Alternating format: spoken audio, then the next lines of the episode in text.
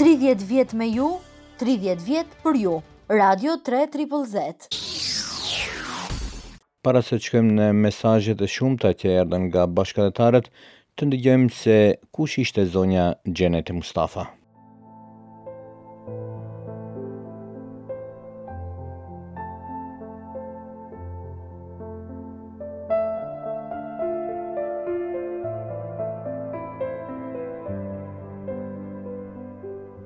Pasojat e Luftës së Parë Botërore gjetën jo vetëm një Shqipëri të copëtuar, ku përsëri territore të tjera iu dhanë fqinjve për të kënaqur orekset e tyre shoviniste, por gjeti edhe shumë shqiptarë të lënë jashtë trungut amë. Një situatë dhe varfëri të skajshme që përfshiu Shqipërinë mbas mbarimit të luftës, ku shumë shqiptarë shpëtimin e panë jashtë kufijve në emigrim.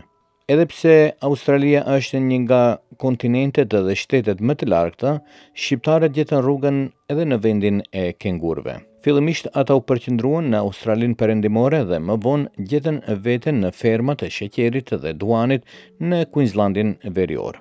Një prej tyre ishte dhe zotriu Rexhep Mustafa, i cili në Australi erdhi në vitin një mijë e nëntëqind e njëzet e katër për të fituar lekë dhe më vonë për t'u kthyer në vendlindjen e tij, Korçën e dashur. Por kjo mbeti vetëm një ëndërr për të dhe gjithçka tjetër Është një histori. 83 vite të kaluara në qytetin piktoresk Babinda në Queensland, familjes Mustafa iu shtua edhe një anëtar tjetër, lindja e vajzës Xhenet. Në shtëpinë e tyre, por edhe në tubimet familjare, çdo herë kanë dominuar temat e vendlindjes, tregimet e ndryshme, historitë dhe jeta në mëmëdhe. Ndoshta kjo i ka lënë edhe shumë përshtypje Xhenetës së vogël, e cila qysh në moshën e saj adoleshente ka filluar të kyçet në strukturat e komunitetit dhe shoqatat e ndryshme. Fillimisht ajo shërbeu si sekretare e organizatës së Queensland Junior Farmers, ku një ndër themeluesit ka qenë vëllai i saj. Më vonë, zonja Xhenet u shpërngul në Melbourne, ku jetonte dhe pjesa dërmuese e shqiptarëve në Australi dhe iu bashkua dhomës së tregtisë Moonee Ponds dhe shoqatës së tregtarëve në Niddrie. Gjithashtu në vitin një mijë e nëntëqind e nëntëdhjetë e një mbas rrëzimit të sistemit komunist në Shqipëri, zonja Mustafa së bashku me disa vullnetarë organizuan kontajnera me barna, ilaçe dhe ushqime esenciale dhe i dërguan në Tiranë përmes Kryqit të Kuq për shqiptarët të sëmurë dhe në nevojë. Ky gjest human dhe i guximshëm i zonjës Xhenete bëri që një grup grash kërkuan nga ajo të themelonte Shoqatën e Grave Shqiptare Australiane. Në vitin 1993 u themelua kjo shoqatë dhe si pjesë e saj zonja Xhenete Mustafa ndihmoi me sukses humanisten Moira Kelly të sillte fëmijë shqiptarë në Australi për trajtim mjekësor. Vullnetarja e palodhur nuk ka të ndalur. Edhe një tjetër arritje për të cilën ishte tepër krenare, ishte dhe organizimi i një ekspozite të quajtur Kurbet, udhëtimi i shqiptarëve në Victoria, që u prezantuan në Muzeun e Emigracionit në vitin 2007 dhe në sheshin e Federatës në vitin 2014 në Melbourne. Gjithashtu për disa vite ajo vullnetarisht raportoi edhe për gazetën Dielli nga Shtetet e Bashkuara të Amerikës. Për shumë vite me radhë, zonja Xhenet ka qenë pjesë e pandarë e komunitetit shqiptar në Melbourne, ku ishte dhe koordinatore e grupit folklorik të këngëve dhe valleve, me të cilën ka marrë pjesë në disa manifestime. Një prej tyre ka qenë dhe pjesëmarrja në galla mbrëmjen e organizuar nga vetë premieri i shtetit Victoria. Paraqitja më madhështore e këtij grupi, padyshim se ka qenë manifestimi i 100 vjetorit pavarësisë së shtetit shqiptar që u organizua në sheshin qendror të Melburnit në Federation Square në vitin 2012 nga komuniteti shqiptar australian, ku u tubuan mbi 15.000 shqiptarë që erdhën nga çdo cep i Australisë. Gjatë luftës së Kosovës, Australia hapi dyert për mbi 4.000 kosovarë, ku zonja Xhenet dhe kësaj radhe nuk ngurroi të kujdeset për strehimin, të drejtat e tyre dhe mbi të gjitha mbështetje morale duke vizituar vazhdimisht kampet ku ata ndodheshin. Në bashkëpunim me Ministrin për Multikulturë të shtetit Victoria, ajo arriti të organizojë edhe një manifestim tjetër me titull Four Corners of Albania në Melbourne, në tetor të vitit 2019, ku u prezentua para një publiku të gjerë me grupin muzikor Diaspora, ku përmes këngës, valleve dhe kostumeve kombëtare, që nga jugu e deri në veri, duke u dhënë të pranishmëve një pasqyre të begatë larmane dhe të pasur të kombit tonë. Puna bujare dhe humane e zonjës Xhenete Mustafa nuk mbeti në harresë. Gjatë të gjithë këtyre viteve, ajo ka qenë e nderuar me shumë mirënjohje për punën vullnetare dhe humane. Në vitin 2001 shpërblehet me çmimin Victoria of the Year, kurse në vitin 2014 mirënjohje nga Victoria Multicultural Commission. E gjithë kjo rezultoi që në vitin 2017 në Governor House në Melbourne zonja Xhenete u dekorua me medaljen më të lartë që u dhurohet australianëve për arritjet e jashtëzakonshme, Order of Australia Medal. Edhe pse ajo u dekorua me këtë medalje të lartë, ajo tha se unë di shumë njerëz të tjerë që kanë bërë më shumë se sa unë dhe e meritojnë këtë çmim.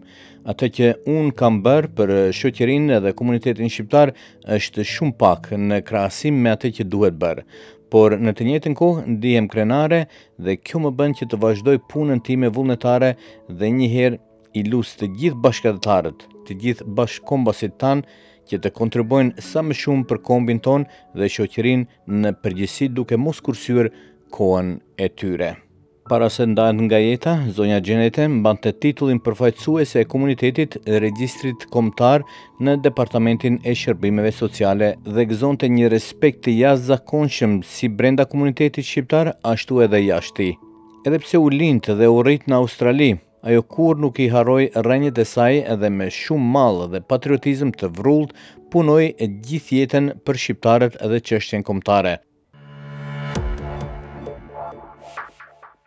Ndoshta sot ju nuk jetoni më me ne, por veprat tuaja çdoherë do të mbesin në mesin tonë.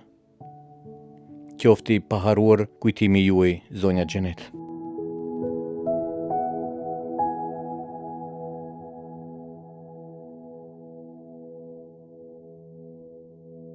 Edhe pse këto nuk janë çaste gëzimi, në vazhdim unë do të dëshiroja me gjithë qejf të dëgjojmë një këngë të cilën zonja Xhenet e kishte aq shumë merak, është pra kënga Rroka Mandolinën, sepse edhe jeta e zonjës Mustafa duhet të festohet e jo të vajtohet.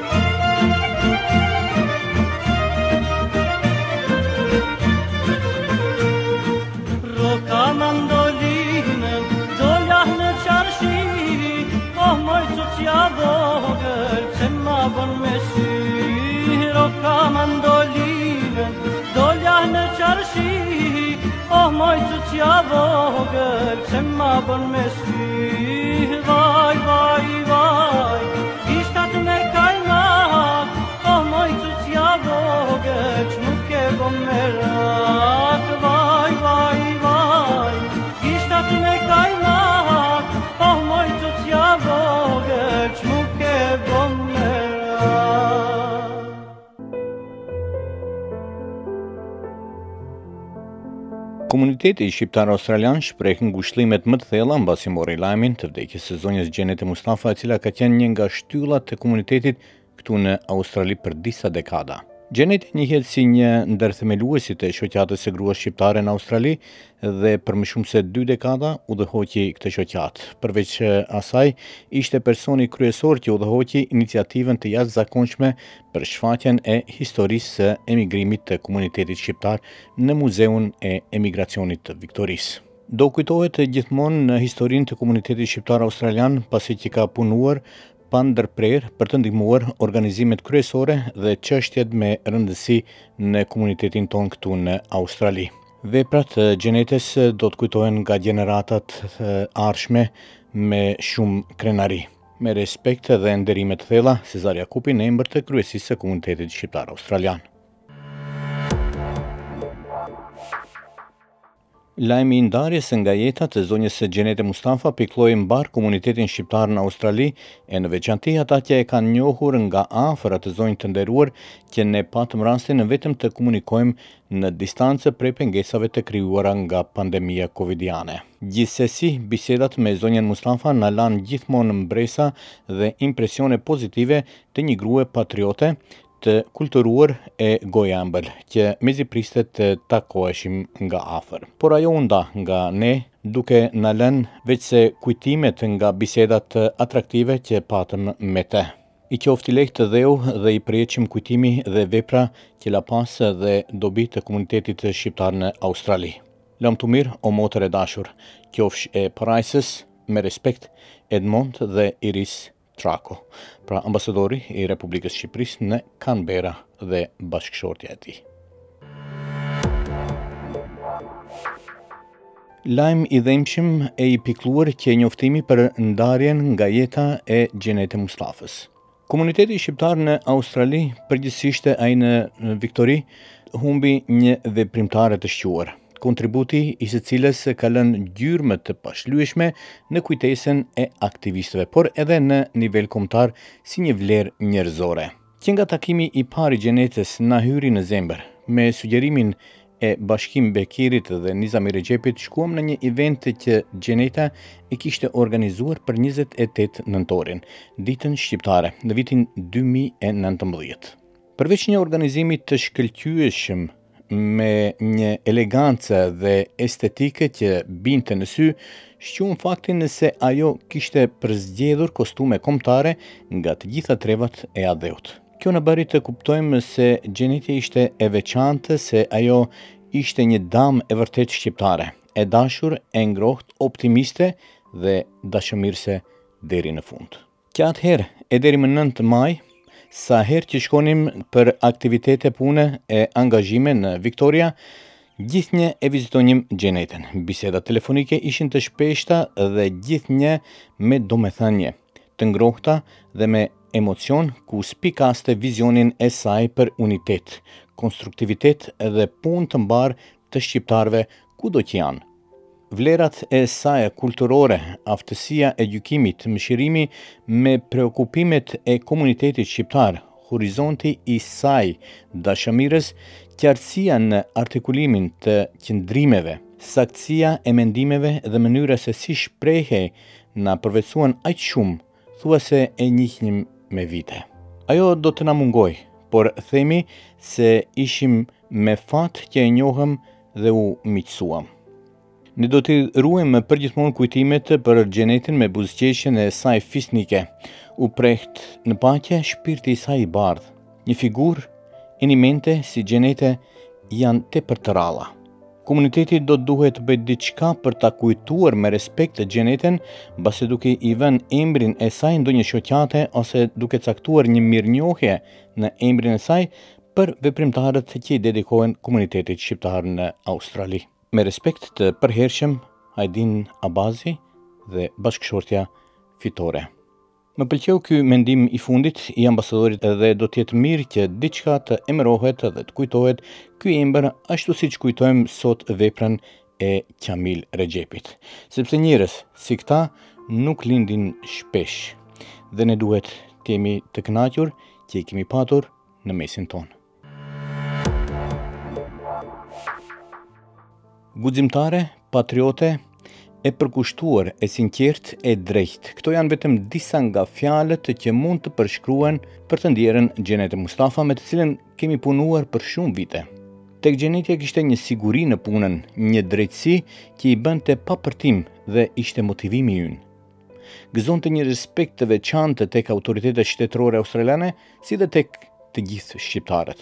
Tek Xhenetja nuk kishte lavdërim, nuk kishte përtim, dhe puna që bënte për shqiptarët kurrë nuk ishte mjaft. Çdo herë thoshte se nuk kemi bërë mjaft aq sa duhet. Të folim për arritjet e saja, na duhet Ditë të tëra dhe jo disa rreshta apo disa minuta. Andaj, do ta kisha falënderuar nga zemra për kontributin e saj dhe kohën që dha për ne të gjithë. Familjes Mustafa, ngushëllime të sinqerta, ndërsa të ndjerës Xhenetes Zoti ia faltë xhenetin ashtu siç e pati dhe vetë emrin e saj. Shkruan, me nderime, zotëriu Bashkim Bekiri. Zonja Xhenete Mustafa, ajo ishte një grua patriote, burrneshë shqiptare me një kulturë të pasur edhe të ndërtuar mirë. E dashur mike e ngushtë me një ngrohtësi të rrallë. Gjithashtu, me punë aktive të palodhshme kontribuoi shumë për komunitetin tonë shqiptar-australian. Ngushëllime familjes, miqve dhe Perëndia e shpërbleftë atë me parajsën, na shkruan zotëriu Vesel Sopjani. Ishte me zemër të rëndë që e kemi marrë lajmin se Xhenete Mustafa ka ndruar jetë. Xhenetja ka qenë një person i jashtëzakonshëm që ka dhënë një kontribut të madh në jetën e komunitetit tonë. Ajo ka qenë një pionere në profilimin e grave shqiptare, sidomos në një rrethanë patriarkale. Ajo megjithëse asnjëherë nuk ka thënë ashtu, me punën e saj na ka përkujtuar se kontributi i grave në shoqërinë tonë është i pazëvendësueshëm dhe se meriton të njihet si e tillë. Xhenetja na përkujtoi se çfarë borxhi ju kemi nënave, gjysheve, motrave dhe shoqeve. Për përkushtimin e saj, për kontributin që ka dhënë për komunitetin tonë, i është dhënë medalja OAM. Me shumë respekt do të kujtojmë veprën dhe kurrë nuk do të harrojmë emrin e Xhenetes Mustafa, shkruan profesor Erik Lloga. Me dhimbje të madhe, morëm lajmin e ndarjes nga kjo jetë së zonjës Xhenete Mustafa. Një grua e rrallë, një grua e spikatur, një grua e palodhur, që çdo herë ishte në mesin e gjithë komunitetit. Na vjen shumë keq, por aq më shumë saqë nuk mundemi për shkak të pandemisë të japim edhe lamtumirën e fundit motrës sonë të dashur, Xhenete Mustafa. U prehsh në paqe dhe qoftë përjetë kujtimi yt, shkruan kryetari i Shoqatës Katolike Shqiptare, zotriu Lek Ndreka. Ndërsa në vazhdim edhe disa mesazhe tonike që na kanë erdhur përmes e-mailit. Në emër të Shoqatës së Gruas Shqiptare Australiane, ju shprehim ngushëllime për zonjën Xhenet Mustafa. Pyetja ishte si do e mbajmë në mend zonjën Xhenet Mustafa. E drejta është se nuk mjafton vetëm një program për t'i përshkruar dhe për t'i përmendur gjithë kontributin të palodhur që ka dhënë zonja Xhenet Mustafa. Të gjithë gjërat që ka bërë zonja Xhenet do t'ia festojmë jetën e saj dhe kontributin e saj në të ardhmen dhe me siguri që do i përmendim të gjithë gjërat të panumërta që ka bërë zonja Xhenet. Unë personalisht sot të them diçka thjesht si unë e mbaj në mend zonjën Xhenet, do ta mbaj në mend dhe si kam dëshirë që gjenerata e re gjithashtu ta mbajnë në mend. zonjën Xhenet Mustafa. Zonja Xhenet Mustafa ka lindur në Australi para tetëdhjetë e tre vjet. Kështu që ka lindur në Australi, mirëpo gjuhën shqipe nuk e harroi. Është rritur me prindër që kanë pasur vlera familjare gjithashtu edhe vlera kombëtare, pasi që pasqyra e prindërve ishte zonja Xhenet Mustafa. Gjëja që më ka lënë përshtypje në Xhenet Mustafa është se, jo vetëm që e fliste gjuhën shqipe pa pengesa, por edhe kontriboi në komunitetin shqiptar njëqind përqind. Thjesht ta them, zonja Xhenet Mustafa me një fjalë integroi në Australi, por u integrua por kurrë nuk u asimilua. Domethënë, punoi për kombin shqiptar, por në të njëjtën kohë respektoi vendin australian, një vend që të jep respekt dhe duhet t'ia kthejsh respektin. Ky është mesazhi që kam për zonjën Xhenet. Domethënë, të gjithë shqiptarët, sidomos shqiptarët që lindin këtu, të integrohen, por jo të asimilohen. Përshëndetje të gjithë dëgjuesit e Radios 3ZZZ. Unë jam Burim Braha. Më lejoni që në emrin tim personal dhe në emër të familjes time të shpreh ngushëllimet më të sinqerta për familjen e zonjës Xhenet Mustafa. Një zonjë e palodhur ku me punën dhe jetën aktive në komunitetin shqiptar nuk iu nda asnjëherë organizimeve dhe manifestimeve të shumta këtu në Melbourne e më gjerë. Sjellja, veprat dhe kontributi juaj në komunitetin tonë do të kujtohen dhe kurrë nuk do të harrohen. Shpirti yt u prehtë në paqe e nderuar dhe e madhja zonja Xhenet Mustafa. Allahu në xhenet. Për herë të parë, kur e kam taku anti Xhenet, më la një përshtypje shpirtrore. Ishte një zonjë e veçantë, me plot zemër, dashuri, miqësi, veçanërisht buzëqeshja e saj. Në çdo festival, organizim, program të ndryshëm, ajo ka qenë e para me plot motivim e kurajë t'i prijë gjeneratat e reja. Gjithmonë do të jesh shembull në zemrat tona. Pusho në paqe. Si jam kryetari i klubit futbollistik Prishtina në Dandenong, Driton Maliku, e morëm vesh lajmin trishtues të ndarjes nga jeta të zonjës Xhenete Mustafa. Unë personalisht e njihja Xheneten nga afër, si një zonjë e përkryer në çdo aspekt në komunitetin shqiptar-australian. Atë zonjë mund ta quaj me pak fjalë ikona e komunitetit shqiptar në Australi. U prehtë në paqe shpirti i saj në parajsë. Ngushëllime familjes Mustafa dhe mbarë komunitetin shqiptar australian në Australi. Nga unë Driton Maliku dhe gjithë familja Maliku. Unë jam Sanije Memishi, po foli dy fjalë për Xhenete Mustafen.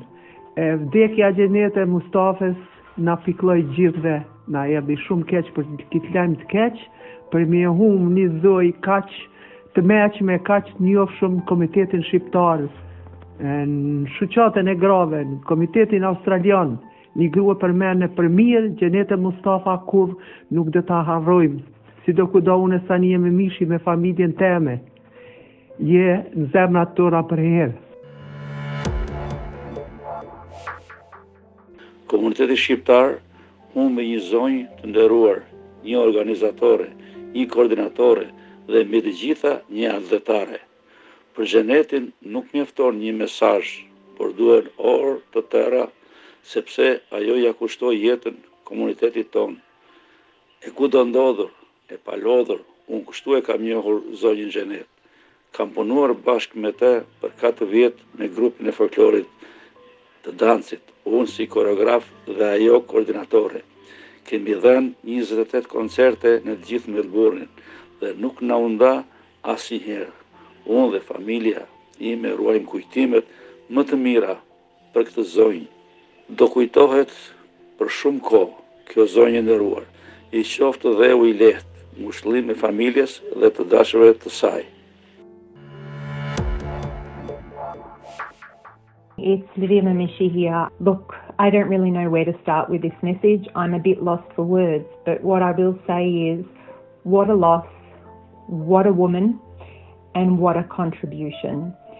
I am, of course, referring to Janetta Mustafa. She's affectionately known in our family as Auntie Janette.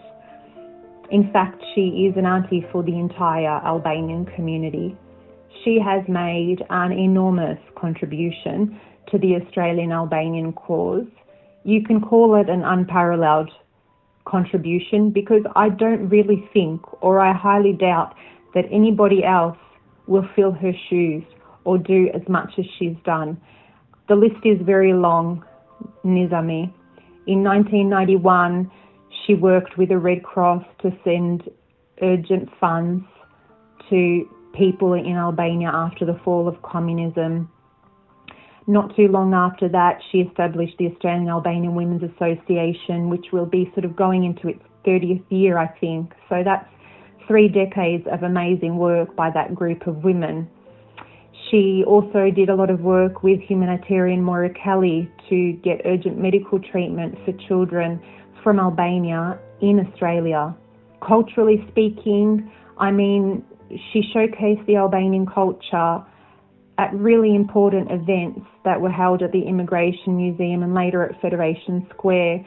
I'm talking about the Gurbet Museum, an amazing showcase of the journey of Albanian people through Australia. I mean, what a great bit of storytelling there.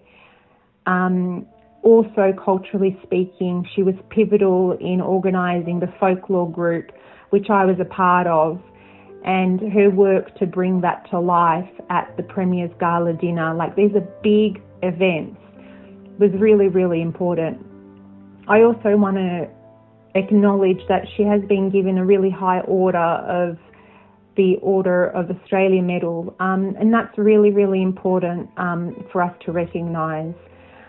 I don't know what else to say aside from being at a complete loss that we have indeed lost an amazing human, an amazing woman. Um, and let's, you know, raise a glass and really celebrate her because she's done so much for us. And I'm really forever indebted to her contribution. I thank you so much, Auntie Jeanette.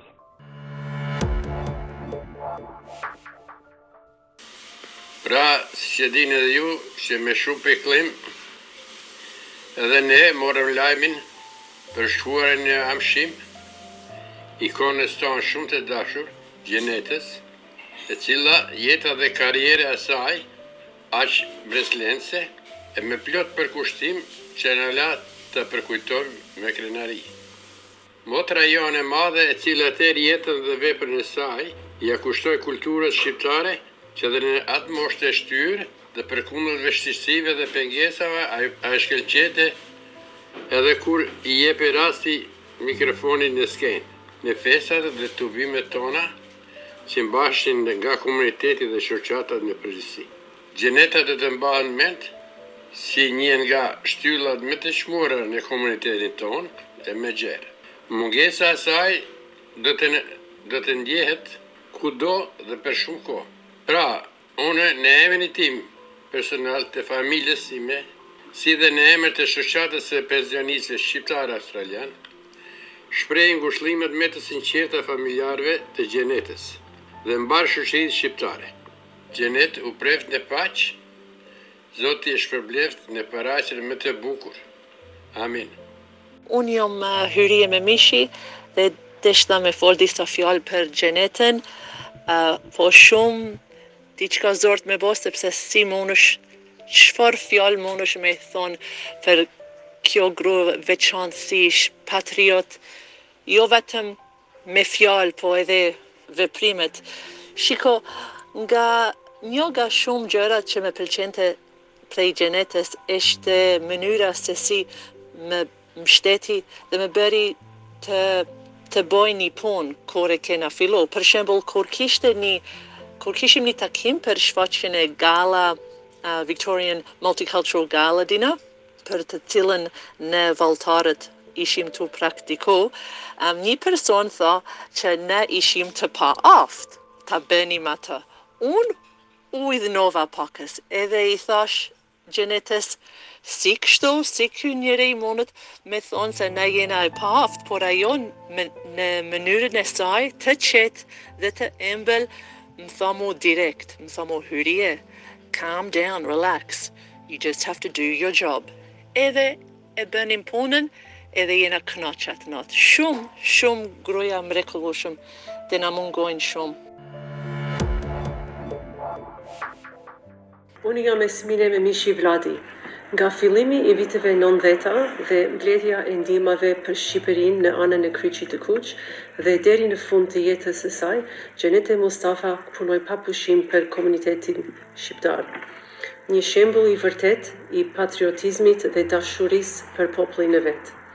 Teze Xhenetja kishte aftësinë të lidhej me të gjitha grupmoshat, por sidomos ato prej nesh, brezi i parë shqiptar-australian i lindur këtu. Ajo na kuptonte plotësisht dhe dinte se si të fliste me ne. Kjo gjithashtu u shtri në brezin e dytë. të lindur këtu përmes punës së saj me grupin folklorik. Teze Xhenetja ishte një grua me inteligjencë, diplomaci, integritet dhe klasë. Ajo u bë mikeshë e familjes sonë dhe të gjithë e adhuronim. Pusho në paqe Teze Xhenete, do na mungosh, por s'do të harrojmë veprën tënde. Të nderuar zonja edhe zotërinj, vëllezër edhe motrat shqiptarë. Ne të gjithë e dimë që Tezi Xhinet është edhe ishte një zonjë e tallantuar, me zemër shumë të madhe, shumë punëtore dhe gjithnjë e palodhshëm. Si nipi i Tezi Xhinetit, ju lutem, më pranoni të ndaj me ju një të vërtetën se nga e ka origjinën kjo kulturën e Tezi Xhinetit. Tezi Xhinet ishte çupë e vogël e pesë fëmijëve të Rexhepit nga Pulaha edhe Haxhire nga Plasë, të dy fshatër të Korçës. Tezi Xhinet ishte lindur në një mijë 1938 në Babinda, North Queensland, edhe shkolluar në Bellenden Ker Primary School.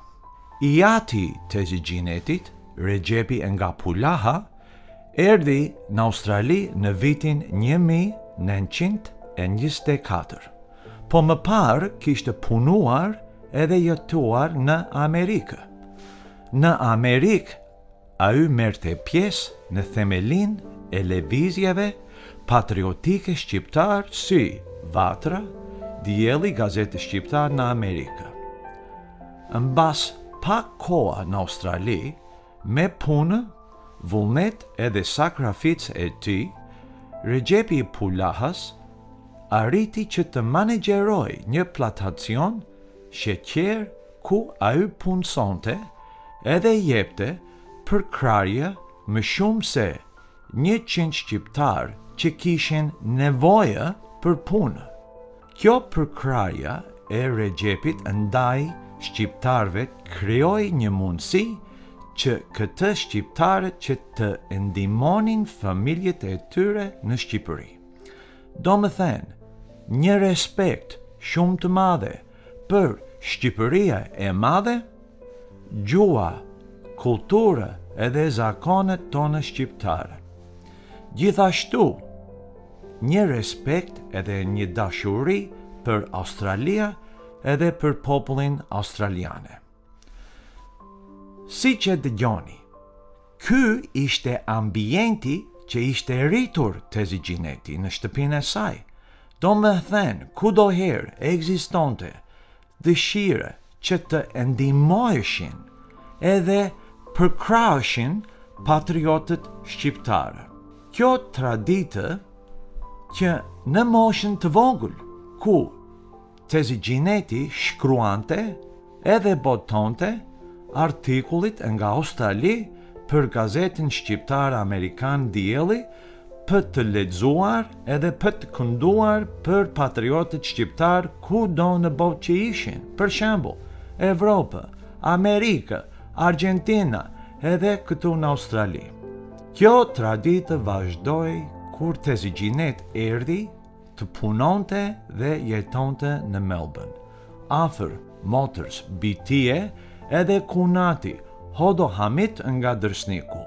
Të dashur patriotë shqiptarë, unë nuk do të përmend të gjitha aktivitetet që Teze Xhinet ka bërë. Ato juve e dini më mirë se mua. Po kam këtë fjalë për të thënë, Juve keni kujtimet tuaja me Teze Xhinetin, si edhe neve kemi kujtimet tona familjare.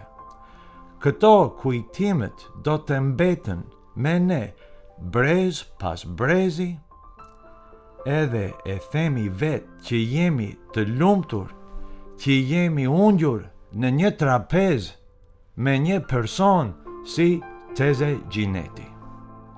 Të përmend një fjalë të mamas time, o Xhineti ka ngjarë i jati shumë, të dashur patriotë shqiptarë. Neve familjen e Hodo Hamitit falënderoj ju të gjithë për dashurinë për respektin edhe konsideratën që ju keni treguar ndaj tezes tonë e shtrenjtë, Xhineti. Çupa e Rexhepit të Pulahas. Teze Xhinet, gjithmonë e paharruar në zemrat tona. Patriotët shqiptarë, faleminderit shumë. Nga unë, Rohan Hamit. Pra dëgjues të nderuar ishin këto nja 30 minuta që i kushtuam jetës së zonjës Xhenete Mustafa, por siç thamë, nuk janë të mjaftueshme këto për të treguar një jetë kaq të bujshme, kaq të të vlefshme të, të një zonje e cila kurrë nuk qëndroi me punën e saj vullnetare këtu në komunitetin tonë. Me siguri se gjithkush nga ju që pati mundësi ta njoftojë me vete ka dhe do të mbajë, jam i sigurt në këtë, se do të mbajë një kujtim të rrallë, sepse një takim me zonjën Xhenete nuk ishte i mjaftueshëm. Unë iu faleminderit edhe një herë të gjithë eh, dëgjuesve, të gjithë ata të cilët na shkruajtën, të cilët na dërguan eh, këto mesazhet, në ngushëllimet me rastin e vdekjes së Xhenet Mustafës me të vërtetë ju falimderoj nga zemra. Po ashtu njoftojmë se varrimi i zonjës së Xhenetit do të bëhet në një ceremoni familjare dhe për shkak të pandemisë nuk do të mundemi të japim lamtumirën e fundit, por na premtuan nga familja se në rastet e para do të organizojnë një memorial ku do të tubohen të gjithë ata të cilët do të dëshirojnë të japin një lamtumirë zonjës së Xhenet dhe të kujtojmë në ato çaste edhe më mirë e, se çfarë njeriu ka qenë zonja Xhenet Mustafa, për të cilën neve do t'ju lajmërojmë me siguri. Ju flet radio 3 triple Z, programi në gjuhën shqipe. 92.3 FM.